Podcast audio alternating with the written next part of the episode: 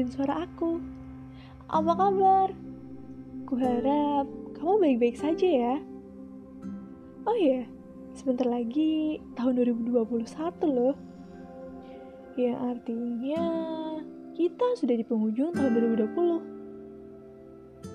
Huh, rasanya campur aduk ya. Ada senang, ada juga sedihnya. Baru kemarin deh, kita ngucapin selamat tahun baru. Baru kemarin juga kan, kita bebas bepergian tanpa ketakutan. Dan ternyata sudah berbulan-bulan loh, kita tidak beraktivitas dengan normal. Rasanya bosan, kesepian, dan malas tentunya. Untuk berproduktif saja sepertinya sulit. Oh ya, bagaimana hari-harimu sekarang? Apa saja yang sudah kamu lakukan selama pandemi ini?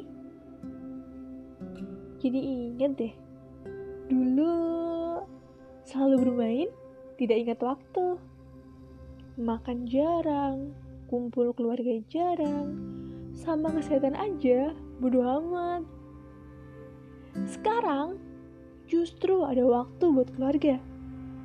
Dan kesehatan di nomor satu kan. Siapa bilang 2020 tidak ada yang spesial? Justru 2020 itu sangat-sangat berkesan. Berkat teknologi, semua yang jauh dapat terhubung. Yang malu-malu dapat bersuara di media sosial.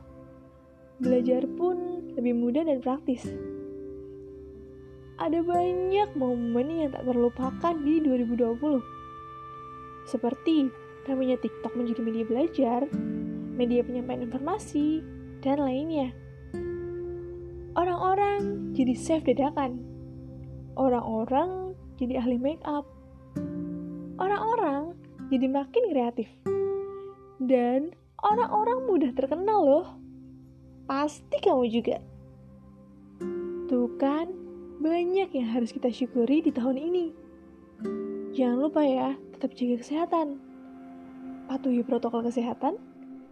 Dan semoga 2021 menjadi awal baru yang lebih baik lagi.